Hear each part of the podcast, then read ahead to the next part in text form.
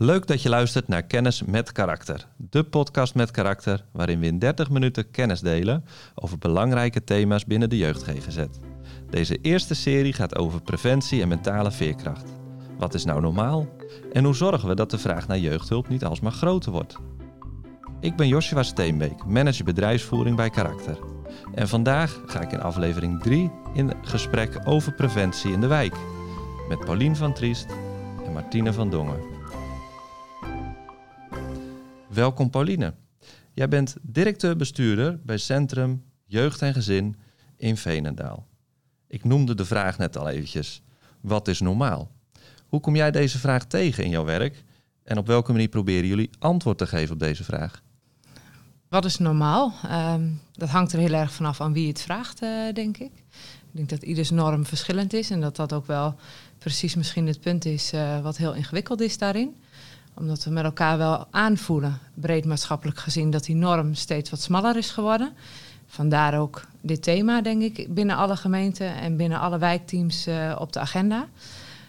Wat je ziet is dat er eigenlijk steeds meer niet normaal wordt gevonden. Je ziet eigenlijk dat de DSM ook steeds wat verder uitdijt. Als je hem, denk ik, van 20 jaar geleden uh, neerzet en je zet hem van nu neer, dan is hij een stukje dikker geworden.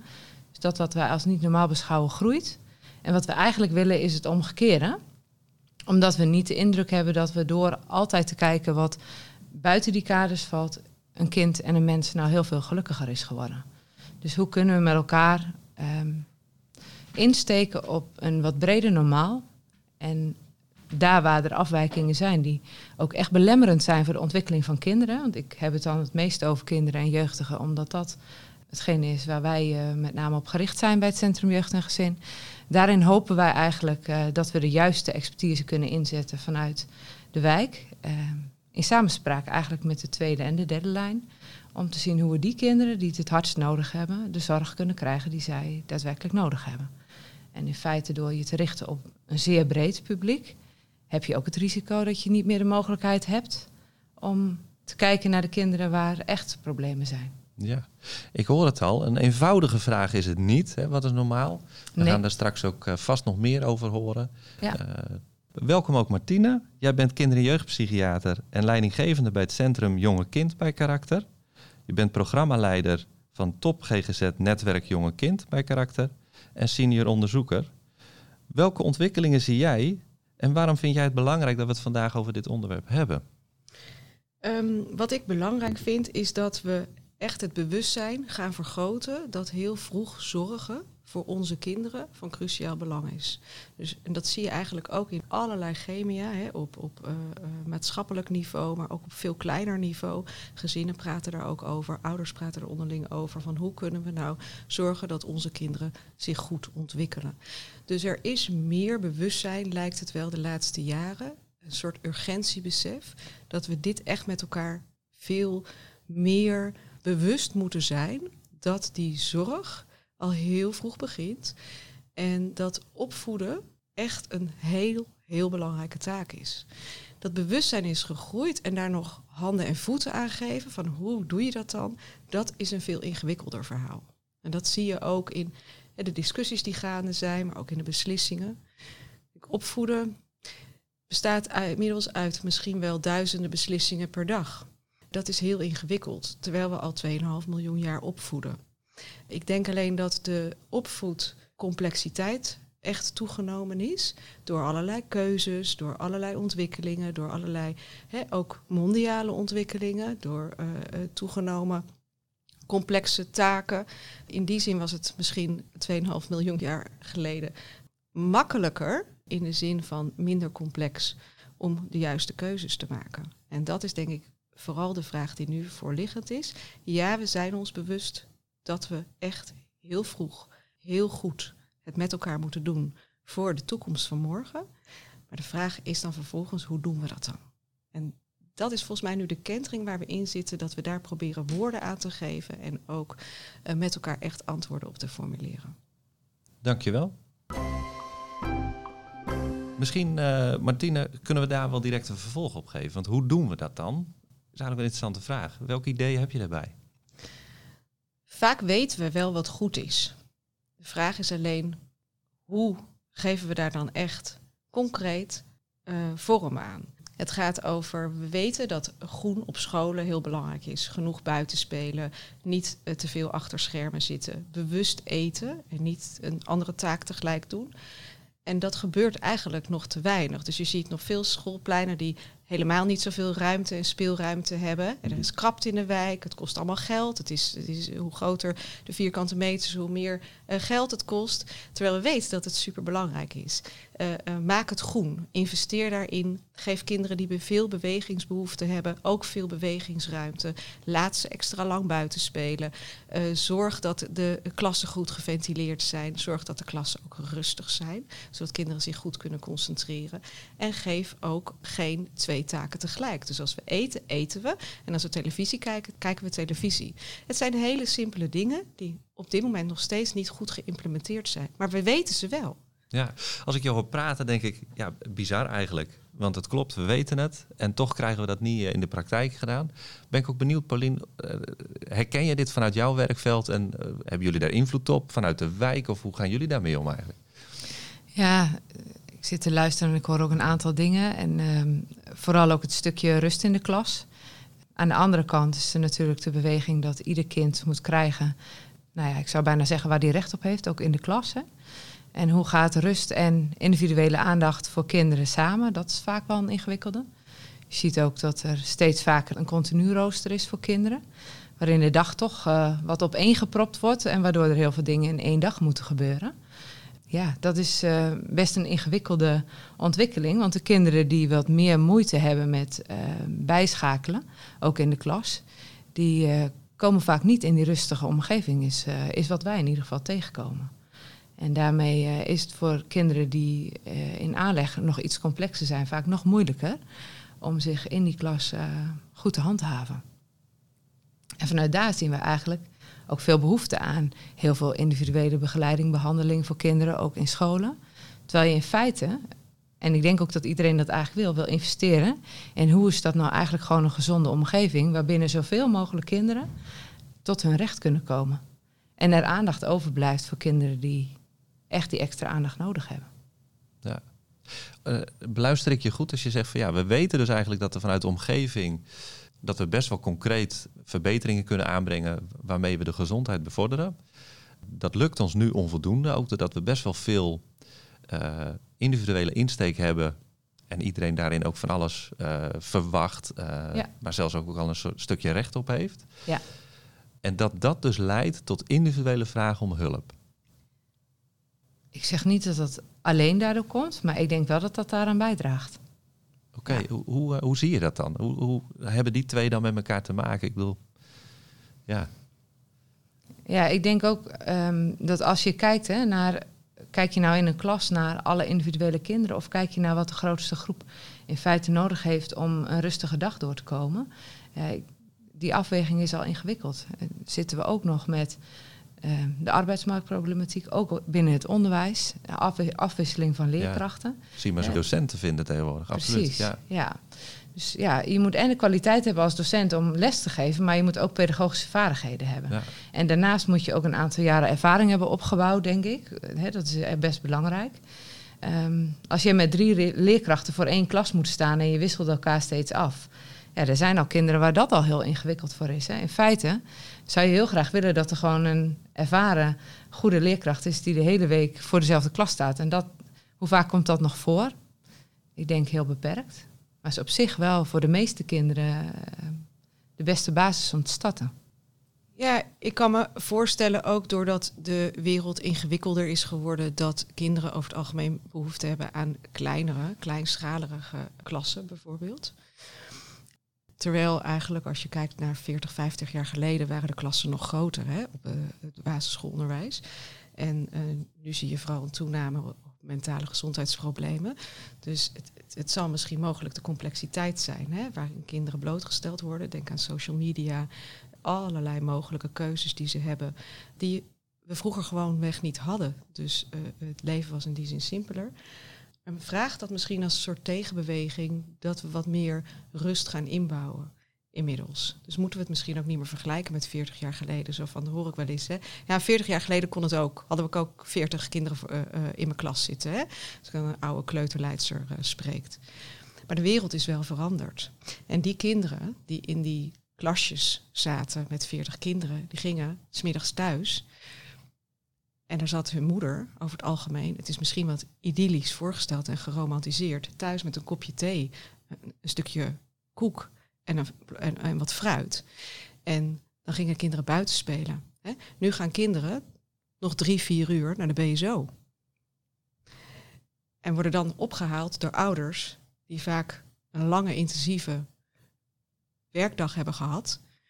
En dan begint spitstijd. Dat noemen we tegenwoordig ook zo. Terwijl dat eigenlijk meer het samen zijn zou moeten zijn van een gezin. Van hé, hey, we zijn weer bij elkaar. Hoe was je dag eigenlijk? En is daar nog voldoende ruimte voor? Dus ik denk dat we een soort antigif nodig hebben, bij, bij wijze van spreken, in deze maatschappij.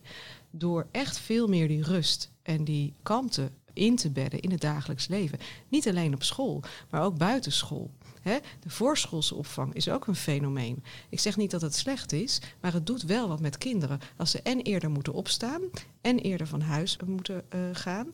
Uh, vervolgens nog BSO aan het eind van de dag hebben. Die kinderen zijn eigenlijk het grootste gedeelte van hun door de weekse dagen niet meer thuis. De verhouding is eigenlijk ook weg.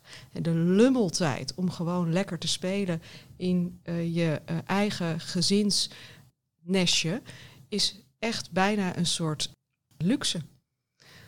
En dat is denk ik wel echt een zorgelijke ontwikkeling. En wat ik ook zie, is kinderen met een grotere zorgbehoefte, echt mentale gezondheidsproblemen. Ook daarbij is vaak toch uh, het idee, ja, maar ja, ik moet wel naar de BSO, want ik moet werken. Ja, moet wel dit. Terwijl je eigenlijk voor deze kinderen juist nog meer rust wil inbouwen. En het, het weekschema eigenlijk wil aanpassen op wat het kind aan kan en wat het kind ook nodig heeft om vervolgens zich te ontwikkelen en te ontplooien. Ja. Ik, ja. ik hoor wat je zegt en ik kan me ook voorstellen dat dit zo'n struggle kan zijn, ook voor ouders. Hè? Enorm, dat, ja. Er zijn zoveel dingen inderdaad die we willen tegenwoordig. Uh, en, en we doen het deels zelf. Maar ik denk ook niet dat we altijd weten hoe nog anders. Nou, en, en wat je zegt, hè, het heeft geen zin om te zeggen we willen terug in de tijd. Uh, daar moeten we ook niet naïef in zijn. Maar juist door de hoeveelheid uh, van nou, prikkels die we tegenwoordig toch al op ons afkomen, zeg je van ja, denk daarover na. En ga bewuster om met tijd om te rusten. je noemt het antigif. Hoe, ja. ja, er zit ook nog wel ondertussen te denken. Weet je, als je nou kijkt naar het een veroorzaakt het ander. Hè? Doordat mensen meer zijn gaan werken, zijn huizen duurder geworden. Doordat er uh, huizen duurder zijn geworden, moet je wel blijven werken. Dus je draait, met dat je keuzes maakt, je vast ja. eigenlijk in een systeem vaak. Nu zie je bijvoorbeeld, want die ontwikkeling hebben we het nog niet zo over gehad, die prestatiemaatschappij eigenlijk in scholen, uh, maar ook daarbuiten. Want dat wordt niet door scholen alleen gekozen, maar eigenlijk door de hele maatschappij. Waarin je eigenlijk ziet dat het uitstroomprofiel van kinderen bijna het belangrijkste is wat zij op school moeten uh, realiseren. Terwijl je in principe ook wil dat het een plaats is waar een kind zich kan ontwikkelen en tot zijn of haar recht kan komen binnen de school. Die druk er nog bovenop maakt dat school ook niet meer de ruimte voelt om een kind even ruimte te geven op het moment dat hij dat misschien wel nodig heeft. En denk, als je dan weer gaat, zou gaan kijken naar een model zoals we wat meer in de Scandinavische landen hebben, dan zie je eigenlijk dat ze daar, als je kijkt naar de einduitslag, beste uitstroomresultaten hebben op onderwijsgebied, volgens mij wereldwijd. Uh, maar ze hebben totaal andere keuzes gemaakt. En mijn vraag is soms, hoe bewust maken wij nu nog keuzes op dat wat we willen bereiken? En hoe onbewust gaan we eigenlijk door op de weg die wij lopen, waarin wij weten dat we op alle fronten aan het vastdraaien zijn? En daarvan hoop ik eigenlijk dat we wat meer um, vanuit visie zouden kunnen gaan denken. Van als dat is wat wij zouden willen bereiken, dan kun je het er nog over hebben of je dat echt belangrijk vindt. Hè, of het hoogste goed is dat een kind hoog uitstroomt, of dat je goed op de uh, wereldladder staat van de ontwikkeling van kinderen. Of dat het je gaat over wel, welbevinden. Dat zal al een mooi gesprek zijn wat mij betreft. Maar stel dat je het kiest. Welke routes heb je dan om daar naartoe te lopen? En mijn gevoel zegt dat we te veel blijven vastdraaien in dat wat we al gekozen hebben. En maar dat we er daarmee niet meer uitkomen. En dat zie je ook, dat hè, als je kijkt naar het aantal kinderen wat jeugdhulp ontvangt op dit moment, dan is dat zoveel hoger als dat dat twintig jaar geleden was. Ehm, en het mentaal welbevinden van kinderen is niet toegenomen. Ja, dat is in ieder geval een belangrijk signaal ook. Hè? Dat we zeggen van ja, steeds meer kinderen lopen ook vast. Nou, en dan kloppen ze uiteindelijk zelfs uh, bij de psychiater aan. Hebben deze dingen waar we het over hebben, uh, een groene schoolplein, bewuster nadenken over je dagritme, gezond eten. Echt dat effect dat, ze, dat dat uiteindelijk tot psychiatrische problemen leidt en uh, dat, je, dat jij ze te zien krijgt? Of? We zien wel dat uh, omgevingsinvloeden van groot belang zijn op het ontwikkelen van mentale gezondheidsproblemen. Uh, er zijn natuurlijk ontzettend veel uh, omgevingsfactoren die daaraan bijdragen. Er zijn natuurlijk ook veel omgevingsfactoren die positief bijdragen aan het mentaal welbevinden. Um, dus ja, het antwoord is ja. En uh, dat is ook wel onderzocht. Het een is beter onderzocht dan het andere. We weten dat kinderen met een, een, matige of een slechte lichamelijke gezondheid veel meer risico lopen op het ontwikkelen van mentale gezondheidsproblemen. We weten ook dat armoede een enorme prikkel is in negatieve zin om psychisch vast te lopen. We weten ook dat ouders die niet voldoende beschikbaar zijn om te kunnen opvoeden. En dat kan op allerlei manieren zijn, want het gaat niet alleen maar over intrinsieke kwaliteiten. Een ouder kan eigenlijk heel goed intrinsiek kwaliteiten hebben om een kind te kunnen opvoeden, maar ze niet op dat moment kunnen laten zien, kunnen ze niet toepassen, omdat er andere problemen zijn die dat belemmeren. Dus het gaat echt over beschikbaarheid van ouders. Uh, en dat heeft invloed op uh, het ontwikkelen van kinderen. Dat weten we ook. Dus een omgevingsfactor die cruciaal is. En die speelt in de eerste zes jaar nog een veel grotere rol dan later. Dus ik denk, als je echt verschil wil maken, moet je het eigenlijk in die eerste zes jaar doen. Want dat is je grootste uh, verandervacuum waar je het over hebt. En daarna is het natuurlijk belangrijk om het dan te consolideren. Ja, dankjewel. Ik ben wel benieuwd, uh, Paulien. Hoe zouden we vanuit uh, het wijkteam de GGZ kunnen versterken en andersom?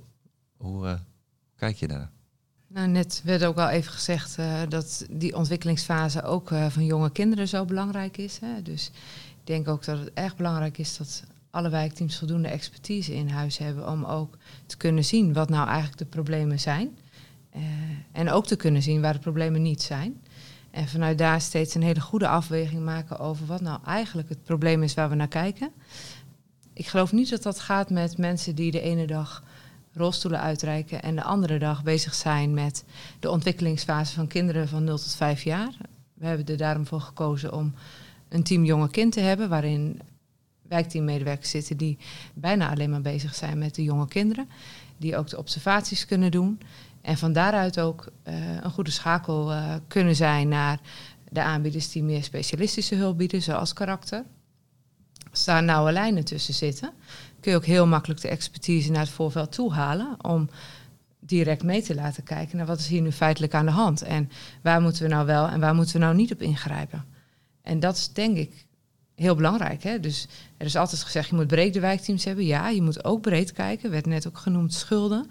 Je moet altijd kijken naar niet alleen het kind op die plek, op dat moment, maar ook naar de brede context. Hoe ziet het gezin eruit?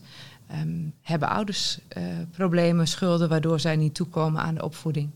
En van daaruit um, ook weer heel goed kijken naar welke dingen zie ik dan bij het kind en wat is dan wijsheid om te gaan doen.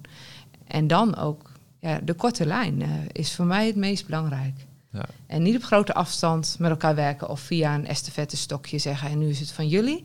Hè, en als jullie klaar zijn, dan horen we het wel, dan komen wij weer terug. Ik vind dat je daarbij moet zijn, dat je als kan samen dat gesprek voert, ook met het gezin, uh, om te kijken wat is nou goed om te doen. Dan hoeft ook het onderzoek in de tweede lijn of de derde lijn niet helemaal overgedaan te worden, want je hebt al een heleboel kennis. En dan kun je meekijken naar wat is er aanvullend nog nodig voor dit gezin, voor dit kind. Ja, je moet, je moet best wel wat weten eigenlijk als je ja. in zo'n team jong kind werkt. En in Venendaal dus de bewuste keuze om dat dus ook een uh, soort specialisatie te laten zijn van mensen. Ja. Um, en ik hoor je zeggen, ja, aan de voorkant wil je die puzzel goed leggen. Want het risico kan ook zijn dat je je te snel zorgen gaat maken. Het gaat wat jou ja. betreft wel echt om weten wanneer, uh, wanneer is er echt wat nodig en wanneer niet. Hè? Een soort, ja. Uh, ja in één keer goed, zeggen ja, wij in vaak. Één keer goed, ja. Dus ook niet maar aanmodderen omdat je denkt, ja, wij zijn uh, lokaal en wij moeten eerst een beetje proberen wat er allemaal kan. Kinderen zijn niet om iets op uit te proberen. Kinderen zijn ervoor om hen te zien zoals ze zijn, zeggen we altijd. En van daaruit te kijken naar wat zijn dan misschien de kritieke punten uh, die je tegenkomt, waardoor de ontwikkeling belemmerd wordt. Hè? Want juist in de jonge fase heb je de mogelijkheid om ook ouders te versterken en goed um, een plan te maken rondom het gezin, waardoor de problemen niet verergeren, maar ze in de kiem gesmoord kunnen worden mogelijk. En, en als het gaat om die expertise, Martine, wat, wat denk jij dat, uh, ja, dat gewoon belangrijk is dat zo'n team goed weet van heeft? Zeg maar. Dus wat voor kennis van jou als psychiater zegt van nou, dat zou ik echt belangrijk vinden dat ze daarop investeren? Want dan kun je dat onderscheid goed maken of zo. Ja, kennis over wanneer is het nou echt noodzakelijk om zo snel mogelijk op te schalen. Dat is één, dat is echt heel erg belangrijk. En uh, dat is natuurlijk niet uh, zeg maar uh, voor elk kind hetzelfde, maar dat heeft natuurlijk wel een aantal onderleggers die meer universeel zijn. Um, dat gaat bijvoorbeeld over kinderen die heel ernstig achterlopen in hun ontwikkeling. Dat is echt een signaal dat vaak opschaling nodig kan zijn. Het kan ook zijn dat een kind op zich wel meeloopt voor een groot gedeelte in de ontwikkeling met zijn leeftijdsgenootjes, maar ook heel bijzonder gedrag laat zien. We noemen dat dan met een duur woord deviatie. Dat is ook een, een signaal dat het uh, uh, mogelijk echt nodig is om op te schalen. En het andere uh, signaal is dat de problemen op heel veel gebieden spelen. Of dat er heel veel factoren zijn in het gezin, in de omgeving, uh, die uh, mogelijk invloed hebben op wat er op dat moment aan het kind te zien is en waar er zorgen over zijn. Dat zijn eigenlijk de drie belangrijkste dingen. En daar kun je echt uitgebreid scholingen op geven en um, mensen in, in ondersteunen. Om dat goed te doen. En dan hebben ze eigenlijk vooral een signalerende functie in beginsel. En daar moeten wij dan vanuit de specialistische GGZ goede consultatie op bieden. Ik denk dat we dat veel beter landelijk moeten organiseren. Ja. Ja, dat is ook wat jij zegt, hè? dat je zegt van ja, je wil dat die lijntjes kort zijn, uh, dat je niet eerst door een hele wachtperiode heen moet. Zeker ook bij jonge kinderen kan ik me ja. voorstellen, ja. dat is cruciaal. Hè? Als je te lang wacht, dan zijn er al een paar ontwikkelfases uh, verstreken bij wijze van. Ja, sterker dus... nog, er zijn ook een aantal kritische fases dan al voorbij. Hè? We weten dat de gehechtheidsfase uh, moet gebeuren tussen 6 en 18 maanden. Nou, dat, dat, dat is echt een fase waarin we erbij moeten zijn. Dat is niet, we moeten even aankijken of moeder zich nog herstelt. Dat is dat, nee, die, die, tijd, tijd hebben we, hebben we nee, gewoon niet. Nee. Um, en dat betekent het niet, want dat is ook soms een misvatting, dat de gehechtheidsontwikkeling uh, uh, daarna klaar is. Die moet je daarna heel goed consolideren en verdiepen. Maar de kritische fase zit hem al vanaf een half jaar. En uh, dat gaat ook over taalontwikkeling. Hè. Die ligt iets later, maar die, die heeft, kent ook zo'n fase dat het eigenlijk de taalontwikkeling daar moet gebeuren, in de peuterfase. Uh, want anders kan het kind eigenlijk levenslang taalontwikkelingsproblemen laten zien. Dus het is echt belangrijk dat we heel vroeg aansluiten. En dat betekent niet dat je alles uit de kast moet halen, maar je moet het juiste doen op het juiste moment. En ik zie en hoor vaak ook nog wel dat uh, uh, opvattingen als ja, het kind is nog zo jong, we moeten het eens even aankijken. En ja, ik denk dat we genoeg voorbeelden zien dat dat echt niet een goed besluit is. Dat zijn vaak kinderen die toch in de eerste zes jaar zoveel tekorten of schade hebben opgelopen, dat ze daar nu mee vastlopen. Persoonlijkheidsproblematiek draineert eigenlijk rechtstreeks uh, naar de eerste zes jaar. Dus daar moet je het doen. Ja. Dus programma's als Kansrijke Starten, die ja. uh, lopen. Daar ben ik zelf wel heel blij mee. Omdat je dan ziet dat je eigenlijk, hè, waar wij voorheen uh, de kinderen voor het eerst nou ja, konden zien, was bijna op de peuterspeelzaal. Je kon natuurlijk ook met de jeugdgezondheidszorg daarin samen optrekken. Maar nu begin je eigenlijk al op min negen maanden. Begin je eigenlijk al bij uh, de verloskundige. Om te kijken van waar ligt een kwetsbaarheid uh, mogelijk. Heb je al overleggen en kun je al casuïstiek bespreken met elkaar. Zodat je eigenlijk vanaf het begin al kunt kijken hoe kun je nou eigenlijk de kansen rondom het jonge kind zo ver mogelijk optimaliseren. En dat zijn wel de ontwikkelingen waar we blij mee zijn, omdat dat ook maakt dat je die vroeg signaalfunctie eigenlijk kunt hebben. En van daaruit, als daar tenminste mensen naar kijken met de juiste expertise, want die is cruciaal. Hè? Niet iedereen die uh, van straat gehaald wordt, kan ook zien wat nou de ontwikkelingen van, uh, van een kind zouden moeten zijn en, en waar dan eigenlijk die kwetsbaarheden liggen. Dus ja, ik vind de kennis vergroten in het voorveld en daarin toevoegen vanuit de achterkant wel ja. heel erg belangrijk. Om er snel bij te kunnen zijn. Ja.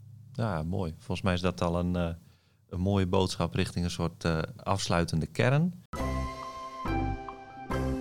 Paulien, wat is wat jou betreft, als je zo. We zijn in gesprek geweest over wat is goed om te doen. Wat is de kern wat jou betreft? Wat moeten we echt met elkaar vasthouden of misschien wel aanscherpen om het beter te doen? Nou, op twee niveaus misschien. Eén is meer uh, landelijk, dat je zegt, je zou eigenlijk willen dat je de lat wat lager zou leggen met elkaar. En dat klinkt als iets negatiefs, maar dat is misschien wel iets positiefs. En het levensgeluk wat hoger op de ladder te zetten. Um, en te kijken binnen het werk wat we met elkaar aan het doen zijn om goede aansluiting met elkaar te vinden. En vooral samen te werken en samen te kijken naar daar waar de cruciale fases van een kind zijn, uh, de aansluiting bij elkaar vinden. Dankjewel. Hoe zie jij dat, Martine? Um, nou, ik denk dat uh, we het bewustzijn dat we hebben inmiddels over hoe belangrijk het is om echt heel goed te gaan zorgen voor de toekomst van morgen. Ga daar nu handen en voeten aan geven. Uh, maak de keuzes waarvan we weten dat ze goed zijn. En dat vanuit een geïntegreerde maatschappelijke visie, dus niet het wijkteam heeft een visie en de specialistische GGZ heeft een visie, maar geïntegreerde visie namelijk mentale gezondheid bevorderen van onze jeugd van vandaag, toekomst van morgen. En ik denk dat we daar naartoe moeten. En ik denk dat we genoeg mensen hebben, professionals hebben, ouders hebben, die eigenlijk heel graag willen dat we dit ook met elkaar gaan doen. En ik denk dat het de taak is van beleidsmakers en inhoudelijk professionals om dat dan ook echt uit te rollen tot een soort werkmodel. Hoe gaan we dat dan doen? Want we weten het wel, maar nu moeten we het doen. Mooi gezegd zo. Hartelijk dank. Bedankt voor het luisteren naar Kennis met Karakter, de podcast met karakter, waarin we in 30 minuten kennis delen over belangrijke thema's binnen de jeugd GGZ. Dit was de derde podcast over preventie in de wijk. Luister ook vooral aflevering 1 over preventie en mentale veerkracht met Wouter Staal en Floris van der Laar. En aflevering 2 over preventie in het onderwijs met Astrid Ottenheim en Bente Geertman. Wil je verder leren over preventie en mentale veerkracht? Ontdek op karakter.com/scholingen onze trainingen en andere mogelijkheden. Bedankt voor het luisteren en tot de volgende podcast.